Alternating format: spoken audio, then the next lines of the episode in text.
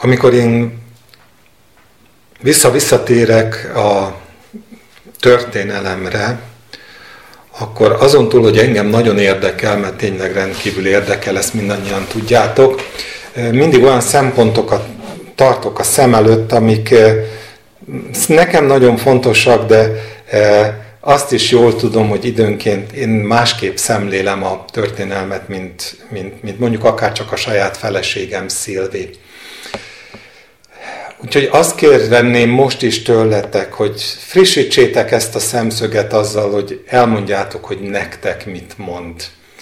Valószínű, hogy nem ugyanazok a gondok fogalmazódnak meg bennetek, vagy nem ugyanazok a tanulságok, mint amik esetleg bennem megfogalmazódnak, és ez így van rendjén. E, egyik sem kell, hogy domináns legyen. Ezek olyan megközelítések, amiket mindannyiunknak az Isten szent lelke pontosan azért ad, amit az István mondott, hogy szolgáljunk egymás felé ezekkel a megközelítésekkel. Az egyik is csak megközelítés, meg a másik is az. Egymás hite által így tudunk épülni. Imádkoznék én is. Uram, hiszük azt, hogyha az egész lényünk valóban azzal számol, hogy nem egy-egy embernél rejtetted el a tökéletes tudást, az igazságot eszenciálisan, hanem szétosztottad magadat a te testedben a tagok között, akkor mindannyian épülhetünk. Ha szeretjük egymást, ha igényeljük egymást, ha tudomásul vesszük, hogy egymás nélkül nem tudunk tökéletességre jutni, és ezt az ige tanítja, túl rajtad természetesen Jézus Krisztusunk, aki mindenné váltál, és jöttél igazságul, szentségül, váltságul, önmagadat adtad. Köszönjük, hogy ezért lehetünk testvérek, ezért lehet, és tapasztaljuk, hogy ez a kötelék olyan hihetetlenül erős, hogy csak csodálkozni tudunk rajta, hogy fölér és nagyon gyakran meg is haladja a vér szerinti kötődéseket. Köszönjük egymást, és köszönjük téged, és azt, amit rajtad keresztül kapunk. Nyisd ki a szívünket, illetve mi szeretnénk kinyitni a szívünket, hiszen te nagyon gyakran zörgetsz, kopogtatsz, és mi nagyon gyakran másfele nézünk, mert sok és fontos dolog vár ránk, vagy legalábbis mi ezt hisszük.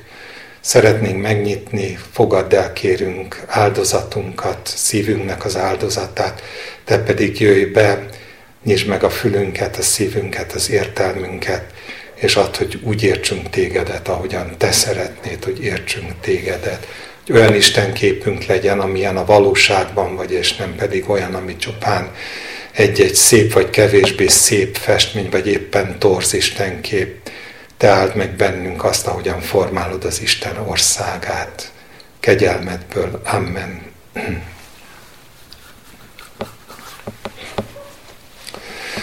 No, Uziásról szeretnék ma beszélni. Ugye ő a következő király, amúgy is ebben a sorozatban, ami a királyokról szól, és két helyen beszél Uziásról az ige, egyrészt a második királyok könyvének a 15. része, másrészt a második krónika könyvnek a 26. része. Valaki szeretné közbe kikeresni, akkor erre mód van mind a kettőre.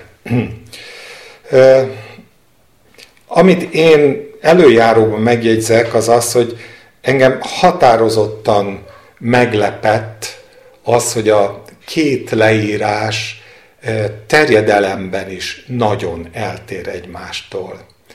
A kettő királyok 15 az egy viszonylag rövid feljegyzést ad az ő életéről, míg a krónika lényegesen hosszabban beszél róla. Mondhatnátok, hogy hát végül is egyszerű műfai kérdés, miért ne lehetne az egyik ilyen, a másik pedig olyan, és nem mondom, hogy nincs ebben is igazság, de azért hadd olvassam el csak a egy királyok 15-ből a rávonatkozó hét verset, hogy aztán kibővítsük majd a krónikával.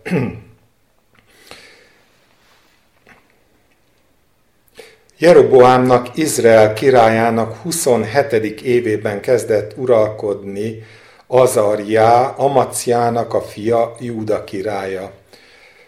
16 éves volt, amikor uralkodni kezdett, és 52 évig uralkodott Jeruzsálemben. Anyának a neve Jekolja volt, Jeruzsálemből származott. Azt tette, amit helyesnek lát az Úr, egészen úgy, ahogyan apja Amaciá tette. Csak az áldozóhalmok nem szüntek meg. A nép továbbra is áldozott, és tömjénezett az áldozóhalmokon. Az úr megverte a királyt, és poklos lett halála napjáig. Ezért egy elkülönített házban lakott, és Jótám, a királyfia állt a palota élén, ő bíráskodott az ország népe fölött. Azárja egyéb dolgai, mindaz, amit véghez vitt, meg van írva Júda királyainak történetéről szóló könyvben. Azután Azarjá pihenni tért őseihez, és eltemették ősei mellé Dávid városában. Utána fia Jótám lett a király.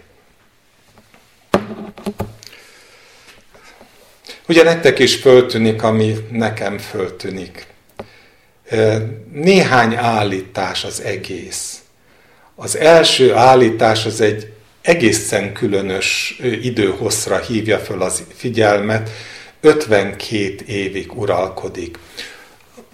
Tulajdonképpen a leghosszabb uralkodási idő, mármint egyben eltöltött uralkodási idő nem megszakítva, Izrael összes uralkodója között. 52 év, nagyon-nagyon hosszú idő. Mint olvastuk, 16 éves volt, amikor elkezdett uralkodni, ami azt jelenti, hogy 68 éves lehetett körülbelül, amikor meghalt. Ez alatt az idő alatt igazából mondhatnám azt, hogy szolgált. Szolgálta a népét, eleget igyekezett tenni az elhívásának. És azt olvasok erről az elhívásról, vagy arról, ahogyan a történelem őt értékeli, hogy kedves dolgot tett az Úr előtt. Azt tette, amit helyesnek lát az Isten. Azt mondhatnám, hogy itt, legalábbis a királyok könyvében, a összegzés az egy nagyon pozitív összegzés. 52 év uralom, amit helyesen folytatott le. És utána az a döbbenetes dolgot halljuk, hogy ezek után Isten megveri poklossággal.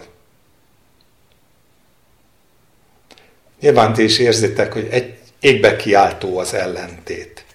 52 év szolgálatnak ez a jutalma? Na persze, ha nem volna krónikák könyve, akkor itt most meg is ütközhetnénk, de van krónikák könyve, és a krónikák könyvének a 26. fejezete egészen érzékletesen elmondja azt is, hogy mi az, ami pozitív, meg elmondja azt is, hogy mi az, ami negatív. Azért nem azt olvasom föl, mert akkor a Isten tisztelet fele olvasással történne, e, inkább csak majd néhány szóban összefoglalom, de ez nem változtat a tényen. Nem változtat azon, hogy a királyok könyve alapvetően pozitívnak ítéli meg az ő ténykedését. Azért bocsájtom ezt előre és hangsúlyozom, mert én mindig keresem az új szövetségi áthallások lehetőségét. És sokszor, ami mindannyiunkat foglalkoztat, hogy vajon a kereszténység hol foglal ebben helyet? Hol foglal helyet az a mérhetetlenül sok szolgálat, amit az Isten nevében tettek, tesznek és tenni fognak Krisztus visszajöveteléig? Mondhatjuk, hogy csak pozitív? Mondhatjuk, hogy csak negatív? Vagy mondhatjuk azt, hogy valami egészen különös dolog, mert Isten igéje akkor is igaz, hogyha mi nem pontosan értjük, hogy mit jelent majd a makula és szeplő nélkül való menyasszony, akit az ő fia elé állít, miközben mi azt mondjuk, hogy hát, hogyha néznénk az összes hiányt, amit ez a keresztény társadalom Jézus óta produkált, akkor ennek bizony, hát nem sok köze van a makul és a szeplő nélkül való menyasszonyhoz. Úgyhogy itt áll előttünk egy ember, 52 év szolgálat, és egy meglehetősen dicstelen vég. A Krónikák könyve egészen részletes leírást ad az uralkodásáról. És mielőtt elmondanám néhány szóban, hogy mi mindent ír el, azt szeretném érzékeltetni, hogy a, az utolsó időszak, ahol, ahogyan erről itt is olvastuk, már úgy telik el, hogy maga mellé kell, hogy vegye a fiát, jó támot. Hiszen ő bélpoklos, és egy elkülönített házban lakik, és a királyság ügyeit, ahogyan itt olvastuk, egészen sommásan, a vége felé már Jótám a fia intézi. Na most Jótám 25 éves korában kerül uralkodásra, Valószínűleg, hogy ebbe beletartozik az apja mellett töltött évek is.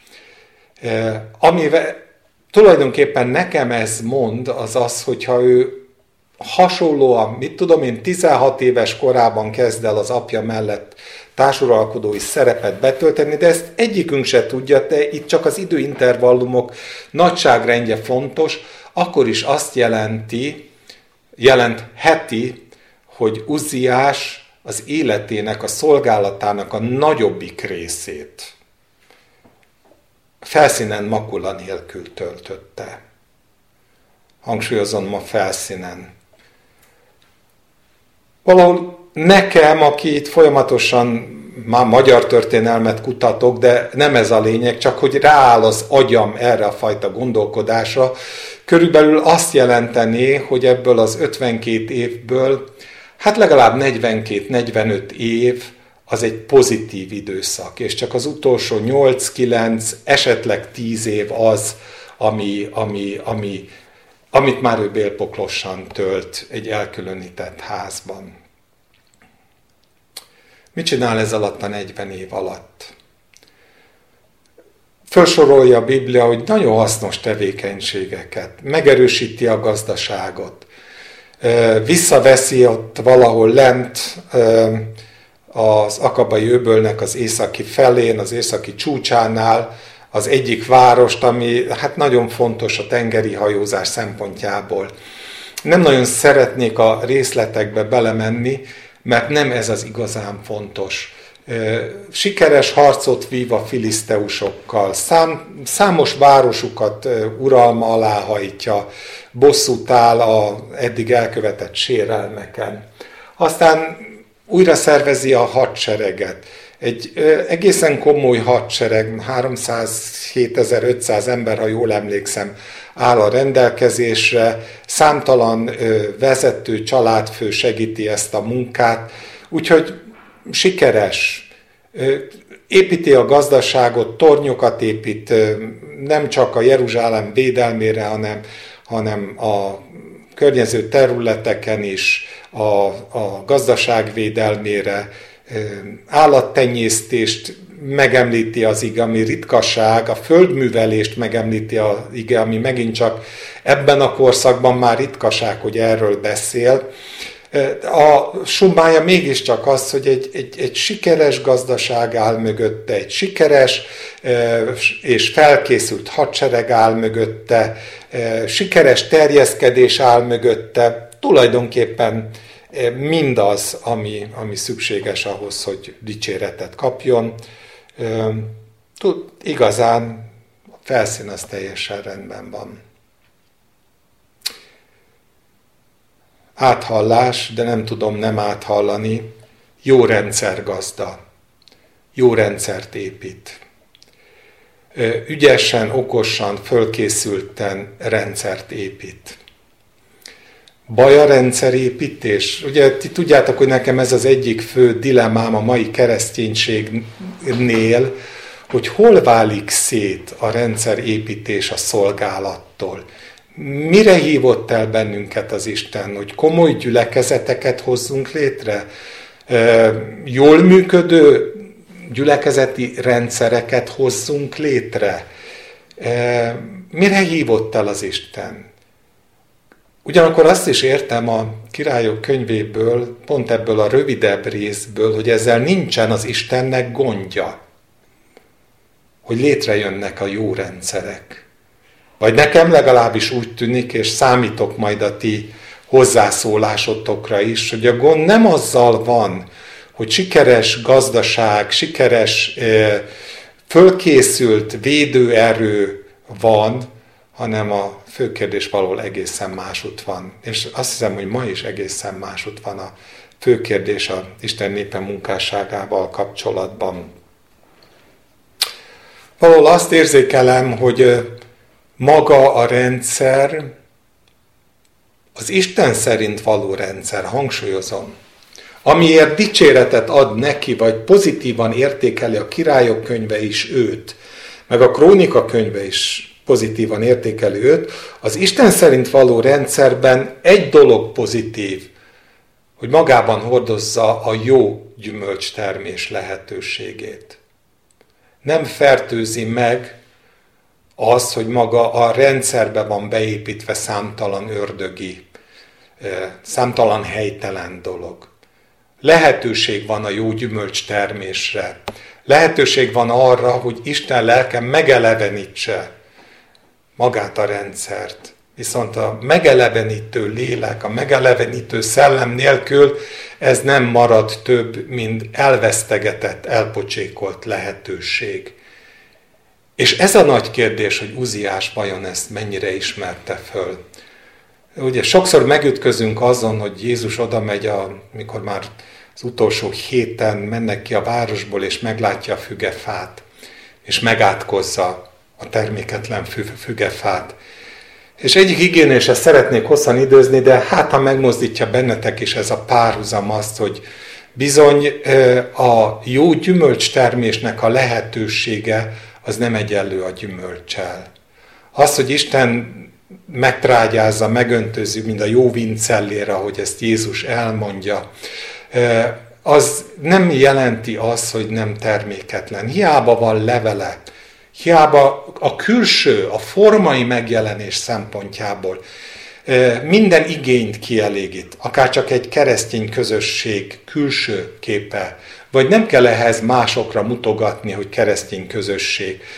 Nézzük magunkra, teljesen rendbeszedett keresztény életek, vagy rendbeszedettnek tűnő keresztény életek, amik formailag eleget tesznek mindazoknak a, a követelményeknek, vagy amik az Isten törvényei.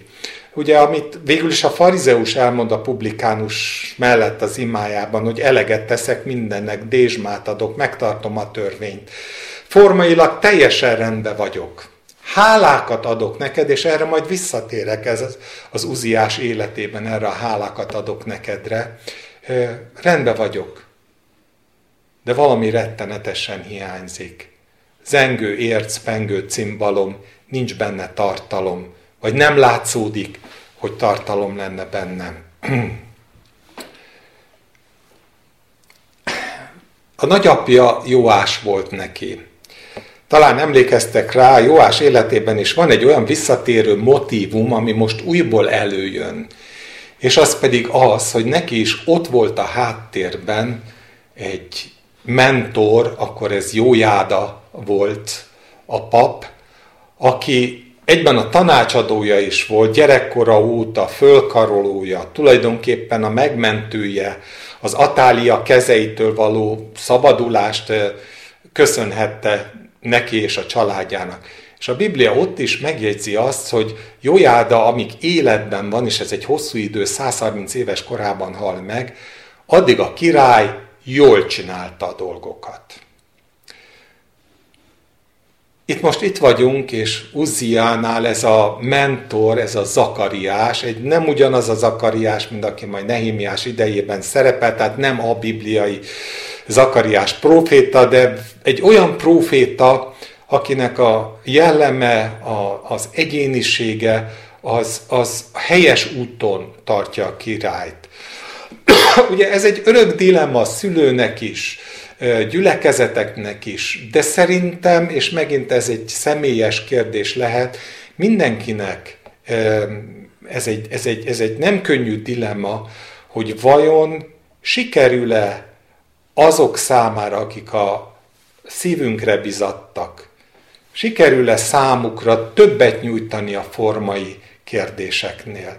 Vajon kiárad-e belőlem valami olyan természet fölötti, isteni, ami átformálja a ránk bizatott embereknek az életét, vagy pedig csak törvényszolgák vagyunk, akiknek különösen amíg a gyerek kicsi, erősebb a egyéniségünk, nagyobb a ráhatásunk, esetleg diktatórikusabbak a módszereink, egyáltalán nagy a tekintélyünk egy tekintélyi elvű társadalomban, vagy egy gyülekezetben, hogy másokkal elfogadtassuk azokat a normatívákat, amiket mi jónak tartunk, vagy pedig az idő, amit együtt töltünk, az, az, egy, az egy fölkészülési és egy fölkészítési idő, amiben úgy tudjuk átadni, vagy rajtunk keresztül Isten úgy tudja formálni a következő generációt, vagy az embertársamat, a barátodat, a munkatársadat, akárkit, akivel Isten kapcsolatba hoz, hogy ennek az legyen a végeredménye, hogy amikor te elmész, vagy én elmegyek, én meghalok, akkor, akkor nem következik be az, amitől mindenki fél, hogy hirtelen 180 fokos fordulatot vesz az, akit esetleg mentoráltál, és már nem vagy ott mellette, már nem tudod a, a, a pályáját egyengetni, és bizony új ö, hajtásokat kezd el növeszteni. Ugye a Királyok könyvének ez a rövid felolvasott része az 52 év uralom után nyitva hagyja a tevékenységének az ismertetését, de azt viszont fontosnak tartja megigyezni, hogy ezek szerint az 52 év nem volt elég ahhoz, hogy a nép megváltozzon. Továbbra is megmaradtak az áldozóhalmok, továbbra is megengedte a király az, hogy a, a, a jeruzsálemi kultusz helyett, ami ami, ami örök, örök kérdés volt, vagy örök támadási felület volt, az emberek, emberek sajátságosan értelmezik az Isten tiszteletnek a lehetőségét, és tegyék úgy, ahogyan ezt ők jónak látják. Nem tudom, érthető-e, hogy egy ilyen környezetben, vagy egy ilyen háttér előtt azért azért egy picit árnyalódik az 52 év pozitív tartalma. Valahol azt gondolnánk, hogy de jó lenne, hogyha eltöltött időnk az valami olyasmi volna, melyik valóban másoknak a megváltozását eredményezni. Nekem is ez a vágyam, a szülőnknek mindenütt ez a vágya, hogy akkor, amikor már az anyuka meg az apuka nem tudja befolyásolni, hogy mi legyen a jövője a gyereknek, hogy akkor is jó döntéseket hozzon, akkor is Isten útján maradjon, akkor is addigra már kvázi természetessé váljon az, hogy az Isten félelem az ott lakozik a szívében. Ez a Zakariásról pontosan ezt jegyzi föl egyébként az ige, hogy Isten félelemre tanította. Már amennyiben ez nem két emberen múlik, már pedig két emberen múlik. Lehet tanítani valakit Istenfélelemre, és sajnos elképzelhető, hogy süket fülekre talál, és a végén mégsem lesz Istenfélő. És akkor jutunk el a következő részhez, a kronikák híradásában, ahol azt látjuk, hogy a Biblia nagyon sommásan is egyszerűen azt mondja, hogy a sok siker felfuvalkodottá tette őt. És ez a felfuvalkodottság, ez a büszkeség azt eredményezte, hogy bement az Úr templomába, és illatáldozatot akart bemutatni az Istennek, ami kizárólagosan a lévitáknak lett volna a tisztsége. Arról is beszél a Biblia, hogy amikor ezt teszi, akkor 80 pap besereglik köré a templomba, és megpróbálják meggyőzni arról, egy, először csak határozottan szép szóval, hogy, hogy ne tegyen ilyet, mert, mert ez, ez, ez, ez a romlására lesz, ez, ehhez neki semmilyen jogköre nincsen. És amikor a király haragra gerjed az őt rendre utasítani szándékozó papsággal szemben, akkor támad a bérpoklosság rá, és válik mindenki számára nyilvánvalóvá az Isten ítélete. Megpróbáltam dióhéjban összefoglalni, de szeretnék az egy kicsit mélyebbre menni, ha amennyiben ez a mélyebbre elvezés, nem tudom, erről szintén lesznek nektek majd gondolataitok, vagy legalábbis remélem, hogy lesznek. Nem tudom, hogy vagytok vele, de én azt gondolom, hogy bizony nagyon gyakran vagyunk vele úgy, hogy a, a sikerek azok, azok oda vezetnek, hogy az ember olyan szolgálatokat akar kisajátítani magának, ami sosem volt számára rendelve. És néha ezt a legnehezebb meglátni, hogy, hogy Isten mire hívott el, hol vannak azok a korlátok, amik között használni akar bennünket. Jézusnak van egy különös mondata, azt mondja, hogy jól vagyon, jó és hű szolgám, kevesen voltál hív, sokra bízlak ezután. Ha megállok egy percre, akkor azt kérdezném, hogy elégedett vagyok azzal, hogy kevésre hívott az Isten? Elégedettek vagytok azzal, hogy a saját megítélésetek szerint többre kellett volna, hogy hívjon az Isten, de csak kevéssel hívott. Én úgy érzékelem a környezetemben az emberek, a hívő emberek között, hogy bizony ez nem kis dilema. Különösen akkor, hogyha az élet valamilyen területén sikeres vagy, de az élet másik területén nem látszódik az, hogy ez befolyásolná a jövődet. Most gondoljatok bele, itt egy király, aki sikeres a gazdaságban. Jó dolog? Jó. Ma is vannak vállalkozók, akik sikeresek a vállalkozásokban. Sikeres a védelemben, a hadsereg megszervezésében, eh, sikeres a határok kiterjesztésében, nem kevés dologban sikeres. Ma is én azt hiszem, hogy jó néhány ilyen élethelyzet létezik, amikor eh, a sikeres ember fölteszi magának kérdést, hogy vajon nem kellene nekem egy kicsit sikeresebbnek lennem az Úr szolgálatában is? Vajon ez a menedzser szemlélet, amivel végig irányítottam egy életet, és a események ha, ha, ha azt bizonyítják, hogy jól csináltam, hogy ez arra predestinálna, hogy az Isten arra rendelne, arra hívna, vagy lehet, hogy éppen jel arra vonatkozóan, hogy az Isten országában is e, ilyenfajta feladatokat kellene ellátnom. Én azt gondolom, hogy Uziás nem csak a korszellem miatt döntött emellett a lépés mellett. Úgy értem a korszellemet, hogy végül is ez a, az uralkodó és a, és, és a főpap szerepköre azért az ókori keleten nem volt ismeretlen. Egyiptomban egyáltalán nem volt ismeretlen. És a Biblia éppen őróla jegyzi meg, hogy, hogy nagy elismertségnek örvendett a környező országokban, beleértve Egyiptomot is, vagy az edomitákat, vagy a moábitákat.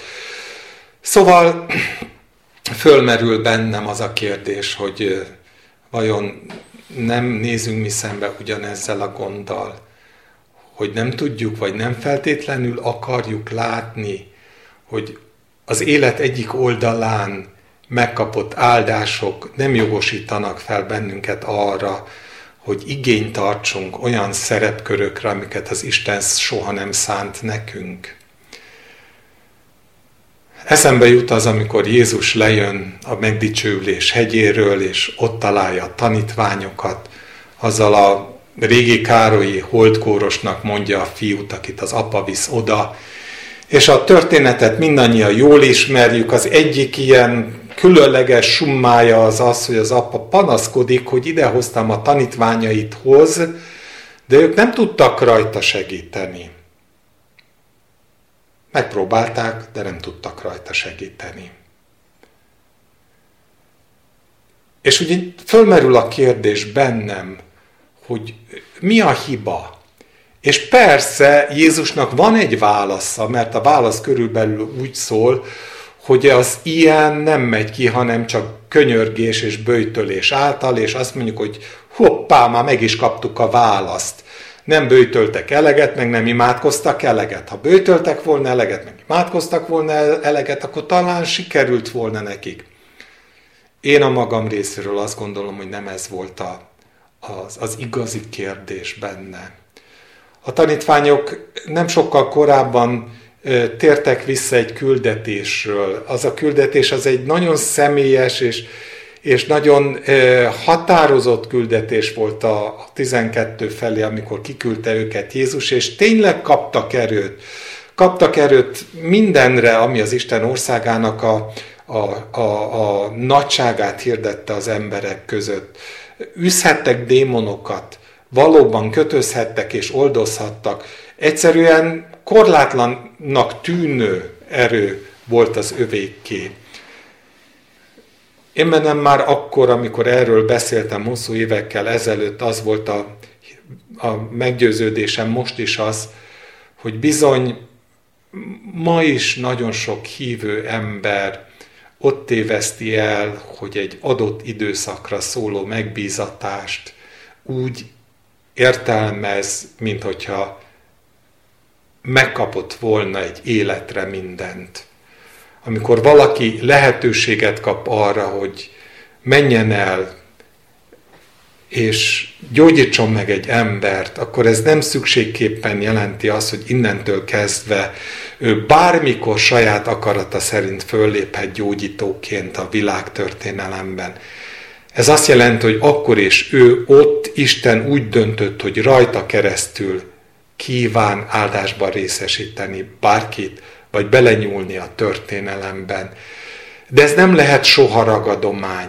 Ez egyszerűen nem szerepkör, ez, ez nem valami olyan, és alapvetően a szerepkörök nem olyan dolgok, amik, amik, amik arról szólnak, hogy én, én képesítést kaptam az Isten dolgaiban, és Istentől már meg se kell kérdeznem, azt, hogy mi a szerepem, hanem csak megyek és csinálok valamit, amiről azt gondolom, hogy szerepköröm lehet. Nyilván ez egy ö, általános esetben ö, nem jön ki ilyen élesen. Tegnap utaztunk Szegedre, és föltettem a Szilvinek a kérdést, hogy hogy, hogy ő mit gondol erről, és azt mondta, amit én gondolok, hogy persze ezek a fajta szereptévesztések hamarabb előfordulnak a, olyan emberek életében, akik valahol a reflektorban állnak. Egy, egy gyülekezet elöljárói, akikre úgy tekintenek, mint elöljáróik, akikre úgy tekintenek, hogy kvázi munkaköri leírásaik vannak arra vonatkozóan, hogy hogyan kell az Isten népét szolgálni, az Isten országát építeni, és nyilván nem Marinénitől várják el, hogy elmenjen, rávesse a kezét a pistára és földgyújuljon, hanem vagy legtöbb helyen nem attól, nem tőle várják el, hanem kvázi ráosztják a szerepet, arra, akiről úgy gondolják, hogy ez a szerep hozzá tartozik az életéhez. Mit csinált Uziás? Hát azt mondanám, hogy magára osztotta ezt a szerepet. Magára osztotta azt, hogy innentől kezdve, nem hogy innentől kezdve, de hogy ezt is ő megteheti, hogy kvázi papi szerepkörben hálát ad az Istennek. Érzitek az áthallást a farizeus és a vámszedő imája között? a farizeus, aki eleget tesz a törvénynek, és még hálákat is ad az Istennek, hogy minden a rendjében van. Nem tudom, hogy más lett volna-e, nyilván ugyanilyen szerepkör tévesztés lett volna, hogyha a bűnért való áldozatot akar bemutatni, és nem is szeretnék ebbe a fajta polémizálásba belemenni, vagy fejtegetésbe, vagy gondolati játékba, de azért az, azt hiszem, hogy mégiscsak sokat mondó, hogy illatáldozatot akar bemutatni, jó illatot, áldozatot akar bemutatni az Isten előtt. Valami olyasmiről akar bizonyságot tenni, hogy én hálás vagyok neked mindazért, amit elértem ebben az életben, vagy amit rajtam keresztül te elértél ebben az országban, hogy megnőttek a határok ismét, és minden, amit elmondtam. Én hálát akarok adni neked. Csak éppen ez nem az ő szerepköre volt. Mind ahogy azt hiszem, hogy a világban máig is az egyik gond, hogy olyan nehezen barátkozunk meg azzal, hogy térben, időben, alkalmanként változik a szereposztás. Nem ragadomány, nem valami, ami a jó szándék igazoltá tesz, hogy én hálát akarok adni neked. Nagyon szeretem Pálnak azt a részét, a 2 Korintus vége felé eh, beszél arról, hogy mi nem úgy vagyunk, mint a többiek. Mi soha nem engedtük meg magunknak, ezt most szabad fordításban adom vissza, azt a tévedést, vagy azt a luxust, hogy olyan munkaterületekre tévedjünk, amiket Isten nem ránk osztott. Azt mondja, hogy én soha nem mentem bele abba, hogy másnak a munkaterületére eh, tévedjek. És itt a munkaterület megint nyilván a mai szóhasználatban eh, egy jól meghatározott programot jelent, hogy az Istvánnak ez a munkaterülete, nekem meg ez a munkaterületem, ő csinálja amennyire gondolja, akkor, amikor gondolja, nyilván az Isten vezeti, meg én is csinálom, és nyilván az Isten vezet. De itt erről sokkal többről van szó. Egyszerűen arról a fajta érzékenységről van szó, amelyik tudja azt, hogy ezt nekem kell csinálni, vagy a másiknak kell csinálni. Én nekem nem azt kell tudnom, hogy az Irénnek mit kell csinálni, de azt nekem tudnom kell, hogy vajon amikor átévedek az Irénnek a munkaterületére, vagy a tánya munkaterületére, vagy bárkinek a munkaterületére, akkor ehhez én Istentől kaptam-e fölhatalmazást, vagy pedig egyszerűen azt gondolom, hogy én jobban tudom csinálni, jobb a figyelmem, a törődésem, Eh, amúgy egyébként a közönség meg már rég rámosztotta ezt a szerepet, hogy nekem kéne csinálni, és mondjuk nem a Gábornak kéne csinálni. Ez számtalan tévedési lehetőség, számtalan önállósodás, számtalan automatizmus, amihez nem kell nagy embernek lenni, nem kell pásztornak lenni, nem kell gyülekezetvezetőnek lenni. Semminek nem kell lenni. Igaz, a vezetőknek mindig nagyobb a kísértés önmaguk testének a részéről is, és nagyobb a kísértés, mert nyomják őket kívülről is, hogy ezt neked kéne, ez a te szerepköröd. Szerepköröket osztogat ez a társadalom, és már rég leszokott arról, hogy, hogy, hogy, hogy, hogy azért könyörögjön, hogy a másik jól csinálja azt, ahova ő Isten állította. És milyen kegyelem, hogy Isten itt beküldi ezt a 80 papot, és nem haragossak. Egy, egy, nagyon tetszik az, ahogyan megszólítják őt, és, és még nyoma nincsen a poklosságnak, csak egyszerűen a helyére akarják tenni, hogy ez nem a tiéd, te ne akarja ezt csinálni. És ő haragra gerjed. Mindahogy én azt hiszem ma is számtalanszor a mi életünkben is, amikor visszautasítjuk azokat a kísérleteket, amikkel a testvérek arról szeretnének meggyőzni, hogy túlléptük a hatáskörünket, azt, azt gyakran a harag okán visszautasítjuk. Szívesebben élünk szóvirágokkal. Végül is Gondoljatok bele, hát mivel tudta volna ez a király még megkoronázni a művét? Mint hogy kezébe veszi a papi áldozat lehetőségét, és, és, és jó illatot gerjeszt az Úr előtt, ma azt mondanánk a mai keresztény szó használatban, hogy hálákat adunk.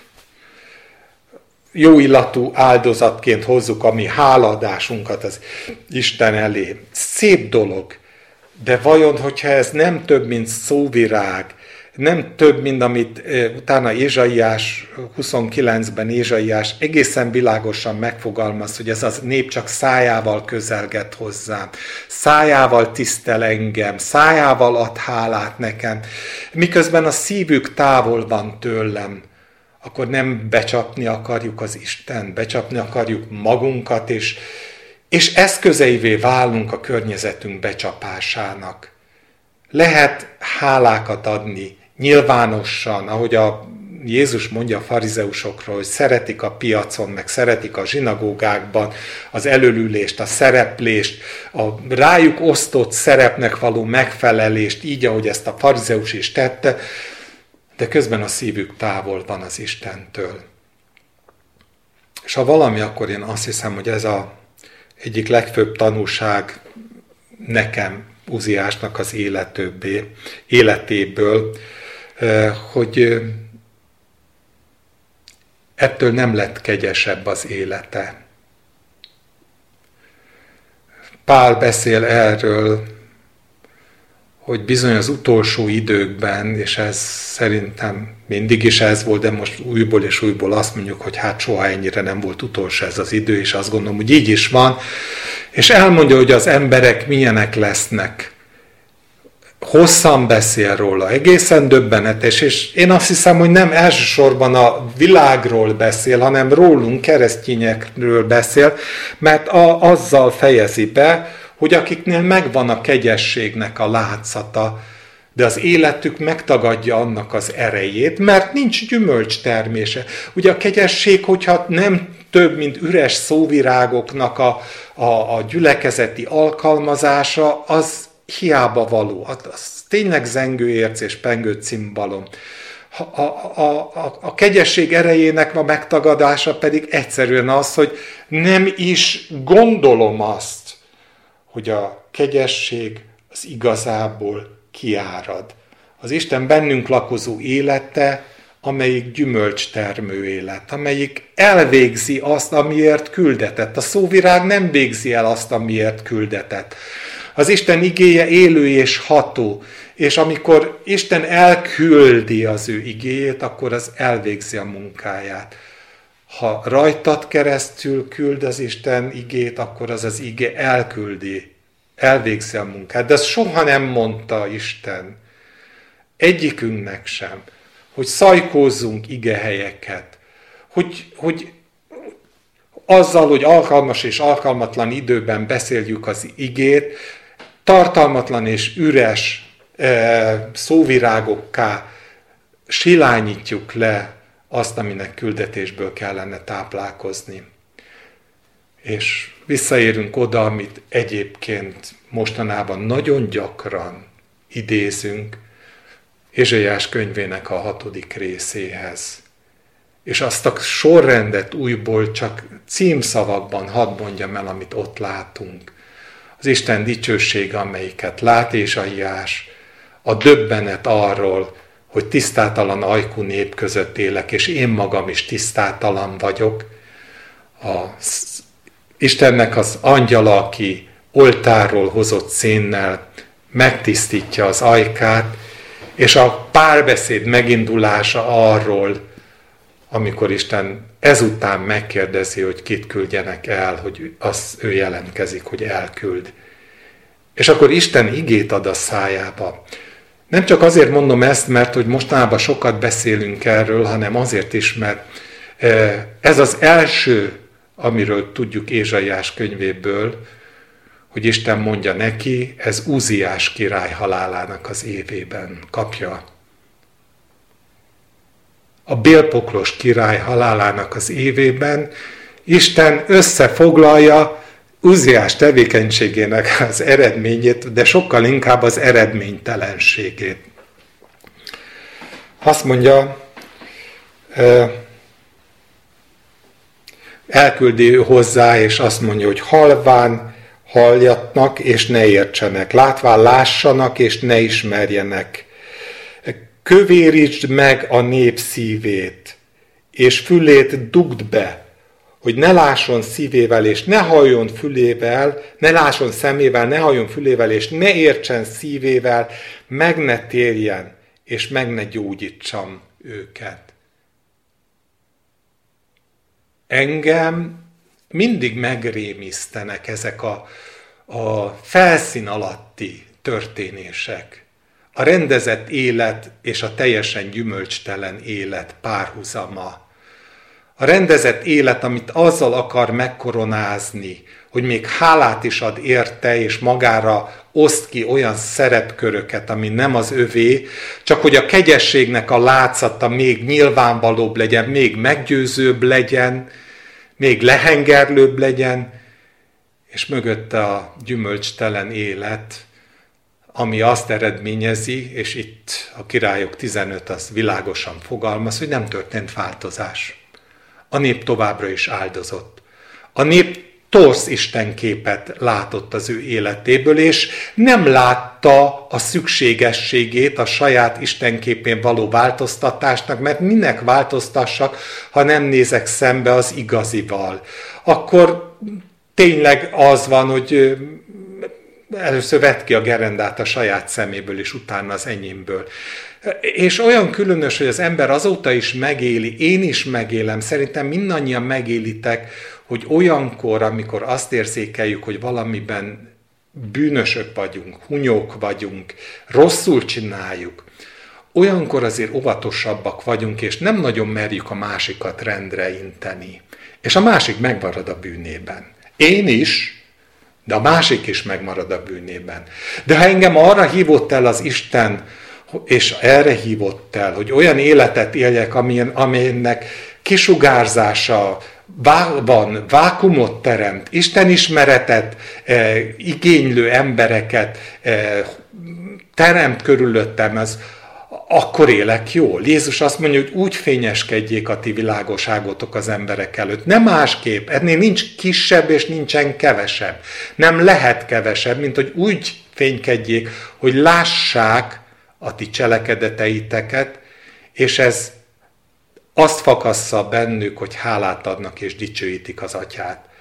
Ha olyan az életem, amilyen az Isten szeretne, akkor ennek kvázi természetes következménye az, hogy az emberek dicsőítik az Istent. Ha nem, akkor valóban semmi jogalapja nincsen arra az embernek, hogy bárkit eh, bántson.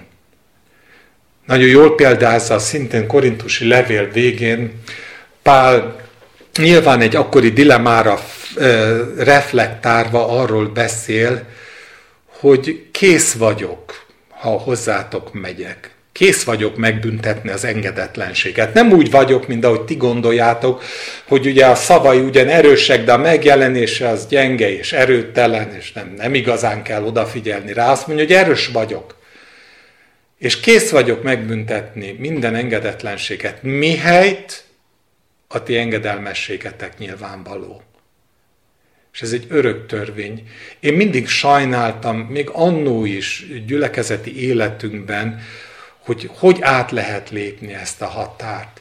Hogy hogy át lehet lépni, hogy mi pálcát törünk emberek fölött, elítéljük őket, kirekesztjük őket. Teljesen mindegy, mert ez nem nazarénus sajátosság, ez egyszerűen emberi sajátosság.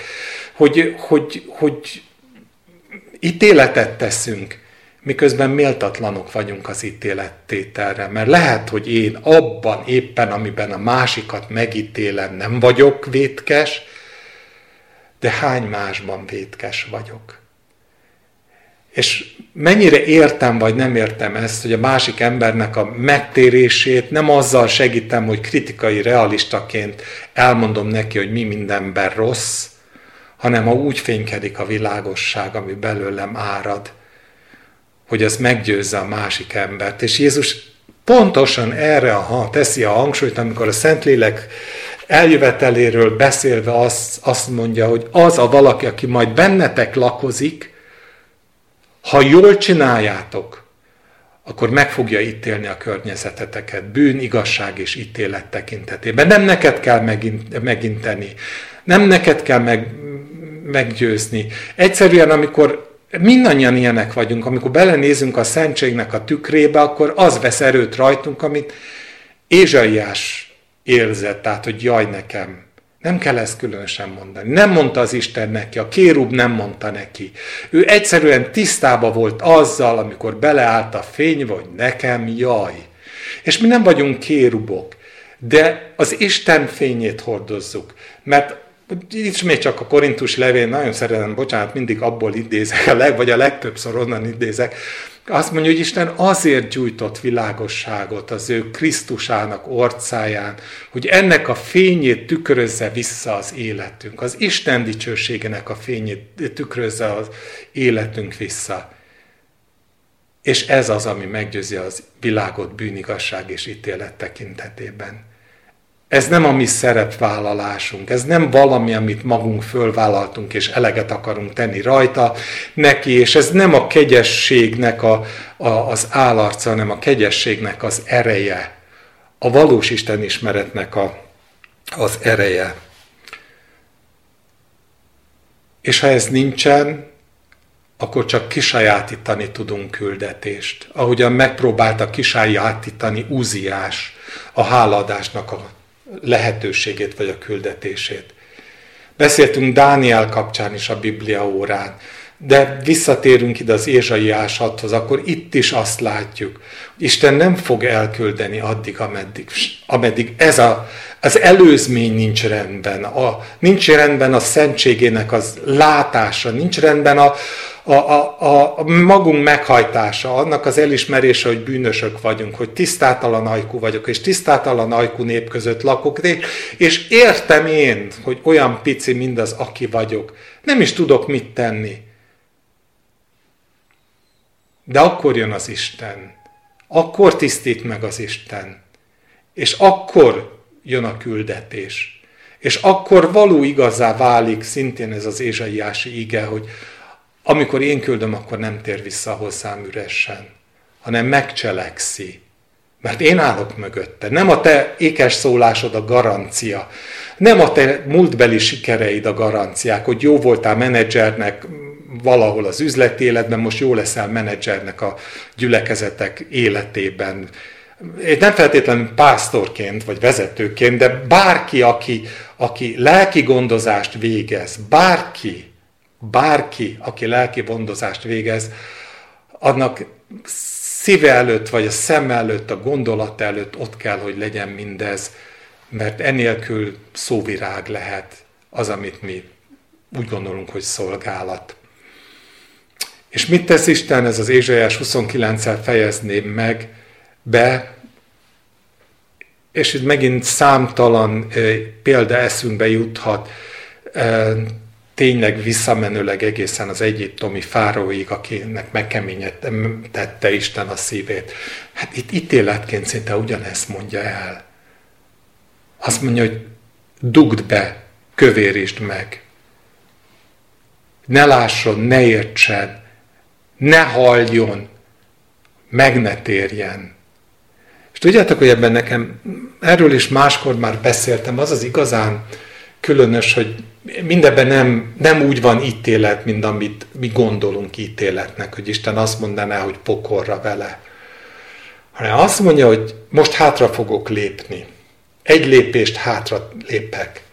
Elvonom a kegyelmemnek, a, amúgy is érdem nélküli kegyelemnek a, az élvezeti lehetőségetektől, lehetőségét a néptől. Menjen végig az úton, amit elkezdett. Megengedem, hogy végigmenjen az úton. Megengedem, hogy még a szóvirágok is elvétessenek tőle. Vagy hogyha marad is szóvirág, az ne legyen több, mint szóvirág. Hogy ne lát, hogy nem lát, hogy nem hall, hogy nem ért. Minden, mindenből kivonulok, mi lesz a vége? Ítélet. Természetesen az a vége, hogy nagyon sokan el fognak pusztulni. Amúgy is elpusztulnának. el fognak pusztulni, de ott van az ígéret, hogy de maradékot meghagyom. Hogy elkezdi megtanulni a nép azt, hogy nem lehet félszívvel követni az Istent. Hogy nem lehet úgy csinálni, mint hogyha a kegyesség látszata elégséges volna ennek a világnak az evangé, megevangélizálásához. És néha azt gondolom, hogy ami most történik, és nagyon sok területén a kereszténységnek, az fölmerül a kérdés, hogy nem egy ilyen hátralépésből származik-e. Hogy vajon fölismerjük-e azt, amikor Isten egy picit hátralép, hogy többre van szükségünk, mint sem kegyes szólamokra. Többre van szükségünk, mint csupán az Isten tiszteletnek a formai elegettetése, a látszat, hogy ennek a világnak többre van szüksége. Amikor nem tudunk segíteni, egyszerűen nem tudunk segíteni, amikor kinézünk, akkor, hogy hát, ha fölmerül a szívünkben, hogy ez a fölajánlkozás, ami, ami, ami Ézsaiásnál látunk, hogyha hajlandó vagyok megtisztulni, Uram, hogy el tudjál küldeni, és ne csupán abból kelljen gazdálkodni, ami, ami nekem van. No, én azt hiszem, hogy mindannyiunknak megvannak ezek a dilemmái, hol van a munkaterületünk határa, eh, de azt hiszem, hogy az igazi kérdés az nem ilyen definiálás, hogy én, én, én, én, én a mit tudom én, az igehirdetés szolgálatát, a másik meg az evangelizálás, meg mit tudom én, mi minden szolgáltat végez, az igazi kérdés sokkal inkább az, hogy látjuk-e azt, hogy Isten az Úr, ő, aki rendezni akarja az életet, és egy pillanatig se adja nekünk gebimbe az ő hatalmát. Egy pillanatig nem engedi meg, hogy azzal hencegjünk, vagy arra gondoljunk, hogy azért, mert tegnap használta az Úr sőt áldást is adott az életemre, tegnap meg tegnap előtt, akkor ez följogosít bármire, amire Isten nem küldött. Hát adja Isten, kívánom mindannyiunk életében azt, hogy, hogy ne járjunk úgy, mint Uziás, hogy a történelem azt mondja, hogy annyi lehetősége volt, és olyan jó rendszert fölépített, annyira klasszul működött, olajozottan mentek a gyülekezetek, csak aztán eljön az a pillanat, amikor kiderül, hogy a nép meg semmit nem értett meg az Istenből. A gyülekezet csak a szájával közelgetett hozzá, de a szíve távol maradt tőle. Neki is a baja, de az előtte levő példa is ilyen volt, aki fölépítette, aki nem a kősziklán építkezett, és nem arra építette a rábízott közösséget, hanem a saját elméleteire, vagy arra a fajta felfúvalkodottságra, amire, amiről Úziás is itt bizonyságot tesz. Szóval Isten óvjon és Isten áldjon meg mindannyiunkat ebben. Amen. Imádkozzunk. Urunk, köszönjük, hogy tanítasz, és én külön köszönöm, hogy te tényleg úgy működsz, hogy ami, amiben te ott vagy, az, az gyümölcstermő. Amiben nem vagy ott, ott nem használ semmi, semmilyen tudás, semmilyen képesség, semmilyen ajándék, semmilyen társadalmi vagy gyülekezeti állás, semmi nem használ, mert te nem a felszín nézed, hanem a szívet vizsgálod. És azért jól tudjuk, hogy az egyetlen lehetőségünk, hogy megalázzuk magunkat a te kezed alatt és a te színed előtt. Az egyetlen lehetőségünk, hogy elfogadjuk azt, hogy egyedül te tisztíthatsz meg azért, hogy utána elküldhessél. Mi nem sajátíthatjuk ki ezeket a szerepköröket, és nem helyettesíthetjük az életet általunk gyártott teológiai tézisekkel. Úgyhogy most annyit szeretnénk mondani, hogy Urunk, munkáld bennünk továbbra is ezt az tisztállátást, ha ellen is áll a testünk, az enyém nagyon gyakran, vagy mindig ellenáll, de hogy elmondhassam neked, és elmondhassuk nekünk, hogy Urunk, jól teszed, amit csinálsz, jól végzed a munkát, áldunk és magasztalunk azért, hogy tisztogatsz bennünket, ahogy mondta Jézusunk, te mondtad, hogy azért, hogy sok gyümölcsöt teremjünk. Engedd meg, hogy gyümölcstermő életünk legyen a te dicsőségedre. Amen.